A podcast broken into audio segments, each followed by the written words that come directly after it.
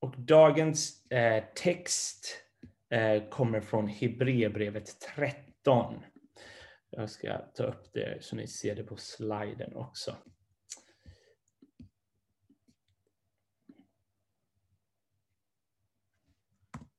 Och det är bara vers 1 till 2. Och det står så här. Fortsätt att älska varandra så som syskon bör göra. Kom ihåg att visa gästfrihet, för genom detta har somliga fått änglar som gäster utan att veta om det.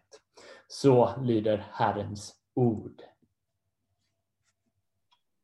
Amen.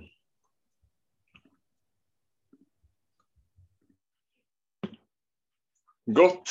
Tack för läsningen av ordet Joel. Eh, och tack för eh, förtroendet som ni som församling ger mig att få än en gång eh, predika Guds ord och få tala in i ditt liv. Jag tar det inte för givet. Det är en ära varje gång och ett stort förtroende att få tjäna Gud men också att få tjäna er med den gåva som Gud har, har gett mig. Jag vill börja med att be, eh, be att Herrens frid ska fylla våra hjärtan, be att vi ska få ro att lyssna till Guds ord, be att vi ska få ro att höra Anden tala, be att vi ska få växa i vår tro idag, att vi ska få utmanas på ett positivt sätt som, eh, som skapar en längtan att få likna Jesus ännu mer. Herre, jag tackar dig för att vi får eh, fira gudstjänst den här söndagen här. Tack Jesus för att du är god. Tack för att du är Tack för att du är ljuvlig på alla sätt och vis. Herre, tack för att du fångar upp oss i din famn, i din godhet, i din närhet, i din värme den här söndagen, här.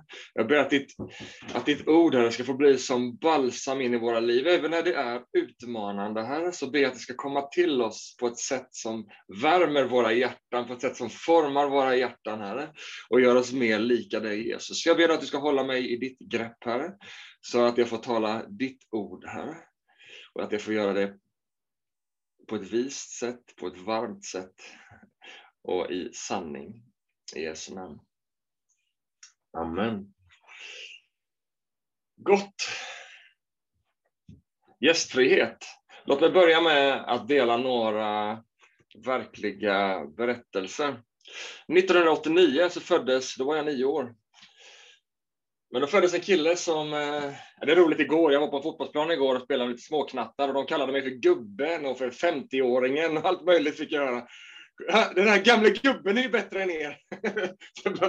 Jag är liksom på att få en chock och börja inse att man är liksom inte 13 längre. Det kanske jag inte trodde, men jag trodde väl att jag var 30 i varje fall, men det var jag inte heller. Ursäkta utflikningen. 1989 så föddes en snubbe som, hette, som heter Derek Black. Och han föddes in i en familj som var helt upptagen av förakt mot främlingar, som var upptagen med hat mot det okända och de okända. Hans föräldrar tog honom ur skolan för att han fick en afroamerikansk lärare. Hans pappa Don Black, en del kanske känner till de här namnen för det här är kända personer. Don Black ledde världens största vit makt-webbsida, och han var i toppskiktet av Ku Klux Klan i USA inflytande i en värld av frakt och främlingsfientlighet. Och Derek, grabben, han såg som den självklara arvtagaren för att driva vidare vit maktfrågor i USA. När han växte upp så började han och hans pappa leda en radioshow för att sprida deras budskap. Och Derek funderade, hur ska jag kunna få större inflytande? Och han såg att politik är ju ett sätt som får ett bredare inflytande, så han började läsa på college eh, börja läsa historik och såna här saker för att liksom kunna ge sig in i politiken. Och när han började på college så fick han möta förakt. Han blev föraktad. Ingen ville närma sig Derek. Så fort ryktet spreds om Dereks åsikter och liksom vad han stod för, så tog alla avstånd från honom och ingen närmade sig honom. Ingen ville vara hans vän. Man satte upp hatlappar på, eh, på vad heter det, billboards på eh, anslagstavlorna och liksom där man, Derek, han står för det här, liksom har inget med honom att göra. Så han som hade föraktat blev föraktad. Men det fanns en kille som heter Matthew Stevenson. Han var ortodox jude, en ortodox judisk student. Och han såg de här lapparna som hängde med förakt emot Derek Black. Men han reagerade och tänkte annorlunda. Vad kan jag göra för att hjälpa denna killen? Hur kan jag bli hans vän? Så istället för att visa avstånd så valde han att närma sig. Den här judisk-ortodoxa killen, som alla andra såg, Derek är ju det är din fiende. Men han valde att närma sig honom. Och Matthew, han anordnade varje, varje fredag på campus så anordnade han en sabbatmåltid. Han bjöd in andra judar, han bjöd in nyfikna studenter för att uppleva judisk kultur och, och liksom en sån här måltid. Den enda inbjudan Derek Black hade fått fram till den dagen på campus till något som helst socialt sammanhang var en inbjudan, en personlig inbjudan av en ortodox jude vid namn Matthew Stevenson till en judisk sabbatmåltid. Killen med antisemitiska sympatier blev inbjuden personligt till en judisk måltid. Och vet ni vad? Han tackade ja. Mot alla odds, han tackade ja. För att han blev berörd av inbjudan. Han tackade ja och han dök upp varenda fredag på den här judiska sabbatmåltiden. Och långsamt så började han att förändras. Och främmandeskap vändes till vänskap. Gemenskap över mat började långsamt förändra Derek Black så pass att han 2013 skrev ett öppet avståndstagande mot sina tidigare vitmaktsympatier och kallade allt för skräp och att han nu har bytt ståndpunkt. Gästfrihet och gemenskap förändrade allt för Derek Black. Han blev en ny person. Leslie, en helt annan story. Hon växte upp, eller han växte upp i kyrkan. Men ganska tidigt så kände Leslie att jag känner inte mig hemma i min kropp. Jag känner att jag är nog ett annat kön. Jag är nog inte rätt ute. Brottades med den här kampen under många år. Till slut så tog han modet till sig och gick till pastorn och berättade om sin problematik. Och pastorn sa, dörren är där, jag vill inte se dig mer. Förståeligt. Leslie sa, jag ska aldrig sätta min fot i kyrkan igen. Jag ska inte ha någonting med det här kristna att göra. Leslie gick vägen och började identifiera sig som en kille och leva ut det där. Eh, jag började leva, eh, identifiera sig som en tjej istället för en kille och började leva ut sin identitet som tjej och blev liksom, gifte sig med en annan kvinna och, och liksom levde i en sån form av lesbiskt förhållande. Vad som hände 18 år senare var att Leslies fru dog. Och Leslie insåg att jag behöver anordna en begravning. Och vad ska jag göra? Ja, det är ju kyrkor som håller i det här.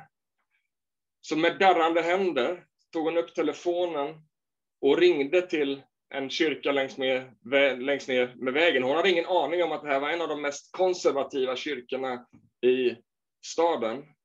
Men hon ringde och tänkte att ja, jag måste berätta som det är och det här kommer troligtvis gå åt skogen, men jag gör det. Hej, jag heter Leslie och jag är lesbisk och min fru har precis dött.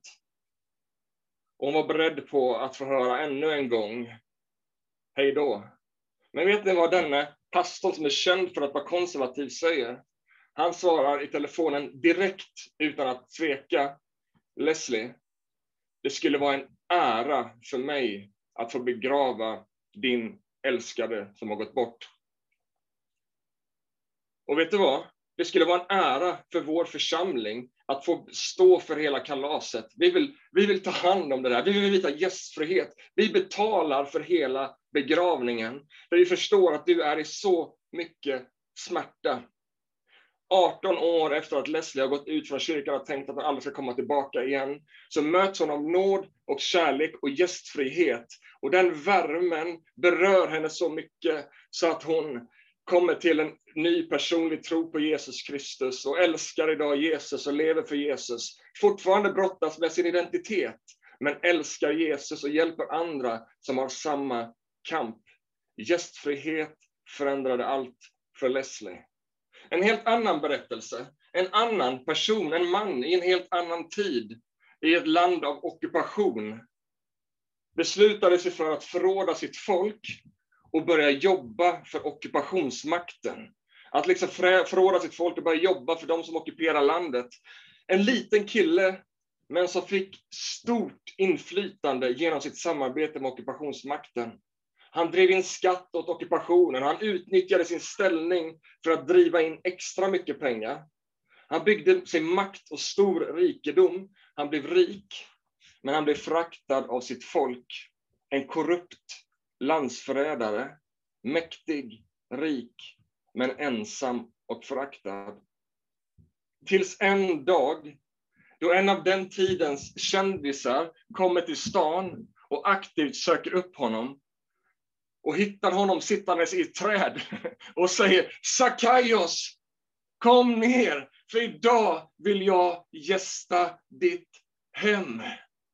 Idag vill jag gästa ditt hem. Jag vill bli din vän. Jesus bryter främlingskap.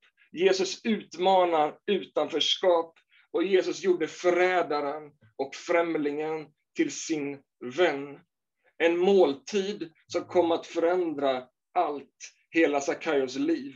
Och han blir så förändrad i sitt hjärta av Jesu kärlek att han ger tillbaka allt han har stulit och han gör det dubbelt upp. Och från den dagen följer han helhjärtat Jesus. Och många historiker menar att Sackaios fick en ledande roll i den tidiga kristna kyrkan. Ett helt annat liv.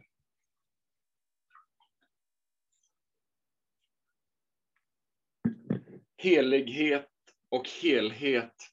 Om heliga vanor för ett helt liv. Gästfrihet är en helig vana. Vi kan tänka på bön, vi kan tänka på olika saker, men gästfrihet beskrivs i Bibeln som en helig vana. Vi talade förra veckan om gemenskap. Gemenskap kan vara ett teoretiskt begrepp, men gästfrihet är gemenskap i praktisk handling. Gemenskap blir verklighet när vi övervinner vår bekvämlighet, när vi övervinner våra rädslor och bjuder in varandra i våra liv på riktigt, in i våra hem, in och se skiten på golvet och disken på köksbänken. Det blir på riktigt. Gemenskap, gästfrihet hänger så tätt ihop. Och när jag förberedde det här så tänkte jag lite på vår kultur och vi har ju ett talesätt i Sverige som säkert många av er som åtminstone har bott i Sverige länge har hört. Och det lyder, vårt hem är vår borg. Är det någon som har hört det? Vårt hem är vår borg. Några. Det är ett talesätt i Sverige och det är typ tvärtom innebörden i spanskans mi casa esu su casa. Det är liksom tvärtom. Liksom mitt hem, min borg, det är där jag liksom ska är trygg. Det är där jag liksom, här släpper jag inte in någon, här bygger jag höga murar. Och det finns liksom något fint med tanken att skapa ett tryggt hem. Men problemet är att vi tror att vi skapar ett tryggt hem genom att göra vårt hem till en borg med höga murar där vi isolerar oss. Det här har blivit en del av vår kultur och inte minst i denna tid av pandemi. Där vi liksom har blivit uppmuntrade att göra vårt hem ännu mer till en borg. Något som vi redan liksom hade alldeles för mycket av. Men det har inte alltid varit så i Sverige. Jag minns när jag växte upp. Som sagt, jag har ju sagt att det är länge sedan. När jag växte upp i Småland så hade liksom mamma alltid kaffebryggaren på. Det var liksom alltid kaffedoft i huset. Därför att det var ju alltid någon som knackade på dörren och inte ens det, bara öppnade dörren och kom in liksom, på någon form av oanmält besök. Aldrig som barn upplevde jag det som otryggt, utan en spännande uppväxt, ett öppet hem, en stor familj. Jag tror något av det som Nelson Mandela menar när han säger att it takes a village to raise a child. Liksom en stor familj. Isolation skapar inte trygghet. Att bygga in oss bakom höga murar skapar inte trygghet. Fasader skapar inte trygghet. Men öppenhet och värme mot varandra har potential att ge en större familjekänsla. Mer familj, mer nära relationer. Närhet och gemenskap vidgar inte bara vår comfort zone, utan det vidgar också sfären av människor som bryr sig och finns där i tider när vi behöver det. En stor familj. När vi vågar släppa in människor bakom våra fasader. Fler som vet hur vi har det. Fler som vet vad vi brottas med. Fler som finns där liksom och, och stöttar. Fler nära vänner.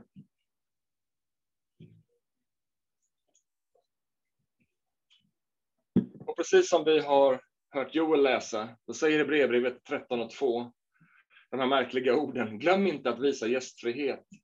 För genom gästfrihet har några fått änglar till gäster utan att veta om det. Vad den här versen säger är att gästfrihet har en potential att bära rik frukt för oss. Gästfrihet har en potential att bli till välsignelse för oss. Och just det här specifika, det hände Abraham och Sara. Det sitter en man där på en sten som visar sig vara en Herrens ängel. De bjuder på måltid och det är först efteråt som de märker, wow, Gud, Herren har varit hos oss. Det är självklart en ovanlig situation. Men inte bara en ängel kan få betyda något för dig och mig. Inte bara en ängel kan tala in i våra liv. En ängel kommer och går, det är inte så vanligt med änglabesök. Men en människa som du bjuder in i din närhet kan bli en vän för livet. Kan få avgörande betydelse för hela ditt liv. Visst, det kan hända att det blir en ängel på besök, men en människa sänd av Gud kan betyda så mycket in i våra liv. Så gästfrihet innebär en god frukt för oss. Men inte bara det att det är en god frukt för oss. Det är också vår kallelse. Det är också vår gåva till världen, vårt uppdrag om att ta hand våra nästa.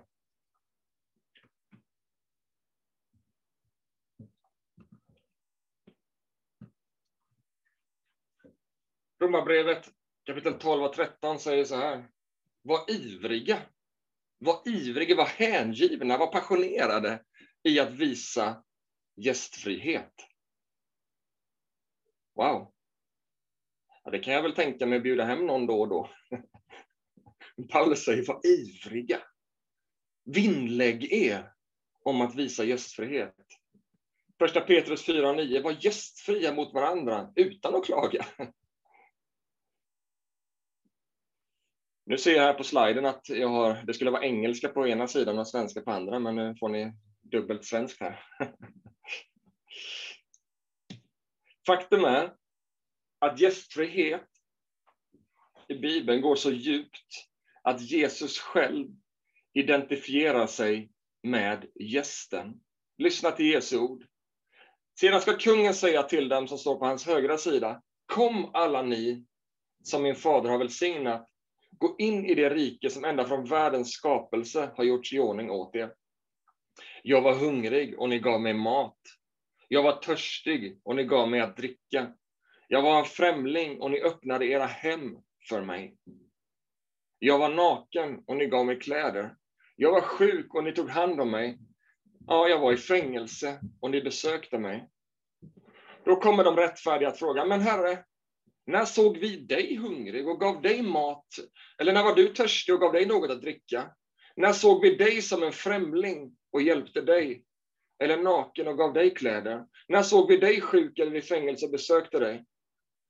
Och kungen ska svara dem, Sannerligen säger jag er, när ni gjorde detta för någon av mina minsta bröder, för någon av mina minsta systrar, så gjorde ni det för mig.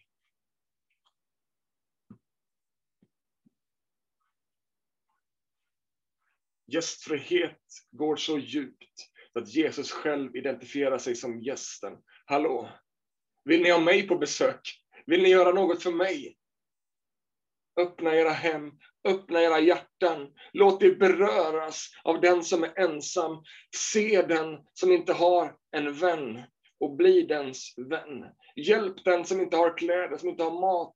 Bli dens vän, för då blir ni vänner med mig. Det grekiska ordet för gästfrihet, philoxenia, det betyder, det är liksom en sammansättning av två ord, kärlek och främling. Så gästfrihet i grekiska Det är ganska vackert. Gästfrihet är kärlek visad i praktisk handling. Och det handlar inte bara om att bjuda in vilken främling som helst. Nya testamentet talar jätteofta om gästfrihet mot sina trossyskon. Ta hand om varandra i en familj. Men också att vi kan vara främlingar för varandra. Vi träffas, men vi bjuder inte in varandra på riktigt. Ja, vi känner varandra lite grann, vi träffas på en söndag. Men det finns en kallelse till mycket mer radikal överlåtelse till varandra. Vi kallas familj. Sen finns det också en kraft i att våga öppna upp sitt liv för människor som man normalt sett inte ens hade tänkt en tanke att göra. Att göra främlingen till en vän. Jesus, Sackaios, Matthew och Derek, är ni med mig? Det finns liksom en kallelse att också våga öppna upp sitt hem för främlingen. Varför pratar jag om detta? Varför är detta så viktigt när vi väljer att tala om heliga vanor? Därför att detta är precis vad Jesus har gjort för oss. Detta är precis vad Jesus har gjort för dig. En främling till en vän. Paulus beskriver i Efesierbrevet 2 hur vi var främlingar. Hur vi levde utan Gud, utan gemenskap med honom och med varandra i den här världen. Och så fortsätter han. Men alltså är ni inte längre gäster och främlingar, utan har samma medborgarskap som det heliga och tillhör Guds husfolk. Jag gillar det där ordet. Du och jag är Guds husfolk. Hallå, vi går i skåpen, vi tar ett glas i Guds liksom, kök, är med mig? Vi sätter oss vid bordet. Det finns en plats, en given plats för dig och mig vid hans bord. Vi som var främlingar, vi är inte längre främlingar. Vi är inte ens längre gäster. Vi är husfolk. Vi hör hemma där. Och Jesu gudomliga uppdrag var att göra främlingen till en vän, var att göra syndaren till en syster och en bror. Hela Jesu liv handlade om att visa gästfrihet i praktisk handling, där syndare, där främlingar, där utfrysta, där marginaliserade välkomnades in i gemenskap med Gud. Man kan bara göra en liksom screening genom Lukas evangeliet så ser man hur det här är ett sånt genomgående tema. Vi har redan hört ifrån Lukas 19 om Sackaios. Jesus bjöd, in, bjöd över en bit mat så bjöd Jesus in honom i gemenskap med sig. I Lukas 5 så gjorde Jesus de religiösa superirriterade för att han käkade mat med syndare och tullindrivare. I Lukas kapitel 7 så förlät Jesus en synderska över en måltid. I kapitel 9 så visade Jesus sin makt genom att bjuda på en brakmåltid mitt ute i naturen, där tusentals människor fick äta mat och se Guds under mitt ibland dem. Och dessutom hade de sjöutsikt och kunde njuta där ute i ett sjö. Jesus hade livsavgörande vardags, vardagsrumshäng med Marta och Maria i Lukas kapitel 10. Han utmanade skenheliga fariséer när de äter tillsammans i kapitel 11. I kapitel 14 så utmanar han han, när han är på en fest i kapitel 14 så utmanar han de som håller festen. Hallå, nästa gång, det är kul att ni har en fest, men nästa gång, se till att bjuda in, inte bara de som är era polare, utan bjud in de som också är era fiender, eller de som ingen bryr sig om. I Lukas kapitel 22 så har han en påskmåltid med sina lärjungar och han instiftar livets måltid. Och Lukas evangelium avslutas med flera måltider där han uppenbarar sig som den uppstånde, när han bryter ett bröd med några av hans efterföljare. Och sen senare så grillar han fisk tillsammans med alla sina lärjungar och de får möta den uppståndne. Vänskap händer när vi äter. Det finns någonting i det där, att äta tillsammans, att dela livet tillsammans. Livet händer i gemenskap. Du vet Jesus, Gud kallar oss inte bara som medlemmar i en klubb med ett namn på en lista. Han kallar oss familj. Han kallar oss vänner. En vänskap trossyskon emellan, också en vänskap som sträcker sig ut till andra. Och det här med gästfrihet, jag ska snart sluta mina vänner, det här med gästfrihet, det har alltid varit ett kännetecken för Guds folk. Och förra veckan så citerade Joel en pastor och en filosof som heter Rosaria Butterfield. Eh, och jag vill citera samma citat, fast jag vill inkludera meningen hon sa innan också. Jag tror jag har det här, ja precis. Och hon säger så här. The hallmark of Christianity through history has been hospitality, risking their lives to share their lives. Kännetecknet för kristna genom alla tider har varit gästfrihet. Att de riskerar sina liv för att dela sina liv med varandra. När vi pratar heliga vanor, det är så lätt att tänka på det här med bön och bibelläsning och såna här saker. Men faktum är att praktisk gemenskap som tar sig uttryck i gästfrihet är en helig vana som Bibeln kommer tillbaka till gång på gång. Och därför har det blivit genom historien, precis så som Rosaria uttrycker det, ett kännetecken för Guds folk genom alla tider. Redan på hundratalet, alltså väldigt tidigt efter Jesus, gick här på jorden, så skrevs ett brev som heter, eller kallas för Diak, jag kan knappt uttala det, Diognet, Diognetosbrevet. Och det är ett brev som beskriver en växande skara människor, nämligen de kristna. Det är ett otroligt vackert brev som finns bevarat i sin helhet. En otroligt vacker beskrivning av ett annorlunda folk som lever för Jesus och älskar människor. Och jag vill bara återge en liten, liten mening i det där brevet som är liksom taget lite ur sitt sammanhang och lite konstig mening. Men den sätter fingret på något fundamentalt. Därför att det beskrivs det här annorlunda folket. Det är liksom, Diognetus skriver ett brev till en annan vän och berättar om de här kristna som är så konstiga. Och då säger han, de kristna, de delar sina måltider med andra. Men de delar inte sina fruar. nu tittar ni upp här, det är en lite konstig mening, men den kommer i liksom ett sammanhang där han vill beskriva att det är någonting konstigt med de här kristna. När man ser på dem, vad är det man ser? Man ser gästfrihet. De har folk hemma hos sig. När de, liksom, när de har fredagsmys, då är grannarna inne. När de, liksom, de, de delar sina måltider. Men det är också någonting annat som kännetecknar dem. De lever i renhet.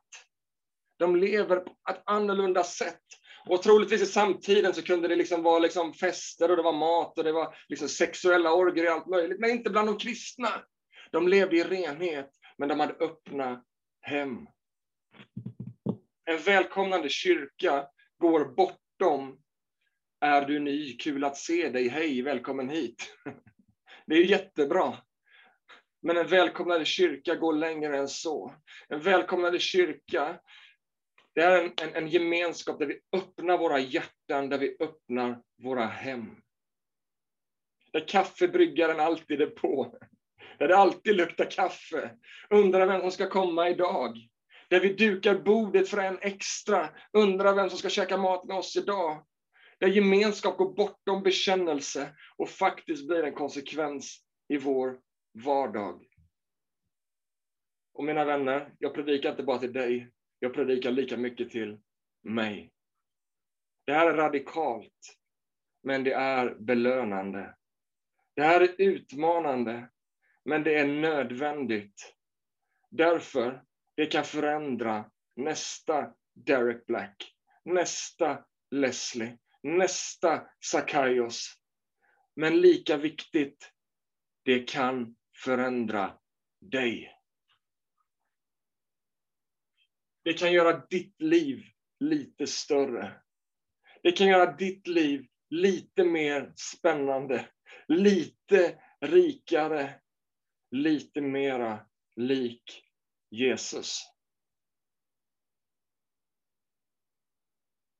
Men, tänker du och säger du och jag, vi är ju mitt i en pandemi. Vad betyder allt det här prat om gästfrihet i en tid av pandemi? Först vill jag säga att det är helt avgörande att vi inte börjar bedöma varandra. Ja, men de har låst in sig, de är så här. Lägg av! De enda vi bedömer, och det gäller all form av andlighet. De enda vi bedömer är oss själva. Se på dig själv. Att gemenskap och gästfrihet är vår kristna kallelse, det är svårt att bestrida. Men hur det tar sig i uttryck, och inte minst i en tid av pandemi, det kan ingen bestämma åt dig eller för dig. Guds ord och den heliga Ande verkar i dig. Det viktiga det är att det finns en vilja hos dig, en längtan. Och finns det en vilja, då finns det alltid vägar. Finns det hjärta så finns det alltid möjligheter. Så för vissa så innebär det här att riskera sin egen trygghet, sin egen bekvämlighet för att göra en skillnad för någon annan. Du känner en övertygelse att jag behöver leva i en radikal öppenhet. Jag liksom på något sätt ska strunta i att skydda mig själv. För jag bara känner en kallelse att leva för någon annan. För andra innebär det här att man faktiskt tar upp sin telefon lite mer ofta. Jag känner mig inte bekväm i att liksom bryta social distansering och allt vad det kan vara. Jag känner mig inte alls bekväm av det. Fine. Du känner dig kallad istället, ta upp din telefon, digitala fikor, att be för andra, att tänka på andra och att göra det du kan i den här situationen. Så det viktiga är inte exakt hur det tar sig uttryck, men att det tar sig i uttryck. Och det jag vill säga i det här, samtidigt som jag säger att liksom det kan ta sig uttryck på så många olika sätt, så vill jag ändå uppmuntra dig att låt inte bekvämligheten avgöra. Därför att bekvämlighet har du aldrig att tacka för något i efterhand. Den gången du har valt bekvämlighet, det är aldrig så bara vad skönt att jag valde bekvämlighet, halleluja vad bra det här blev. Du vet, bekvämlighet har aldrig gett dig personlig tillväxt. Det har aldrig gett dig fantastiska minnen och de här spännande erfarenheterna. Det är liksom, men det är så lätt att fastna i bekvämlighet.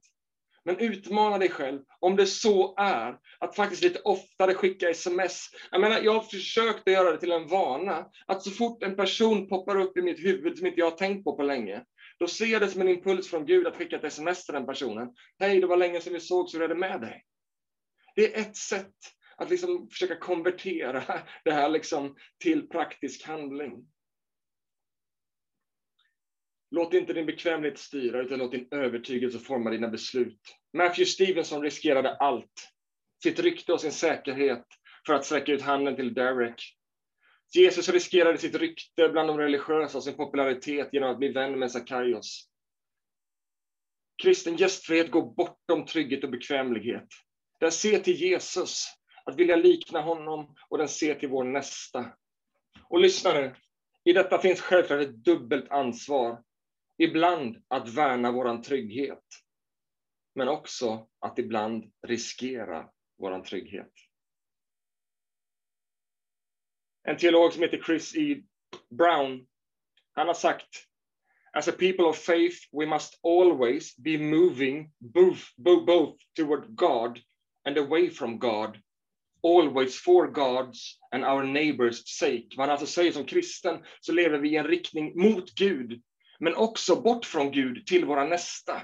Alltså när vi rör oss mot Gud så rör vi oss också mot våra nästa i praktisk handling.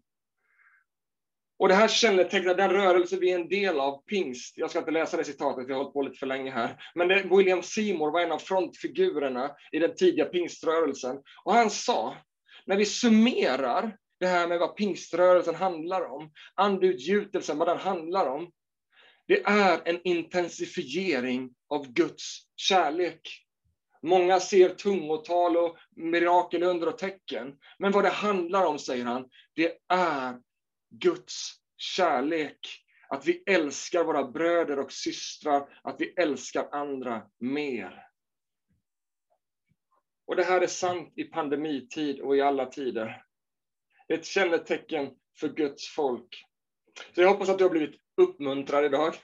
Jag hoppas att du har blivit utmanad. Jag hoppas att du har fått tag på lite sanningar från Guds ord som vill liksom verka i dig och mig till att bli än mer det folk som vi är.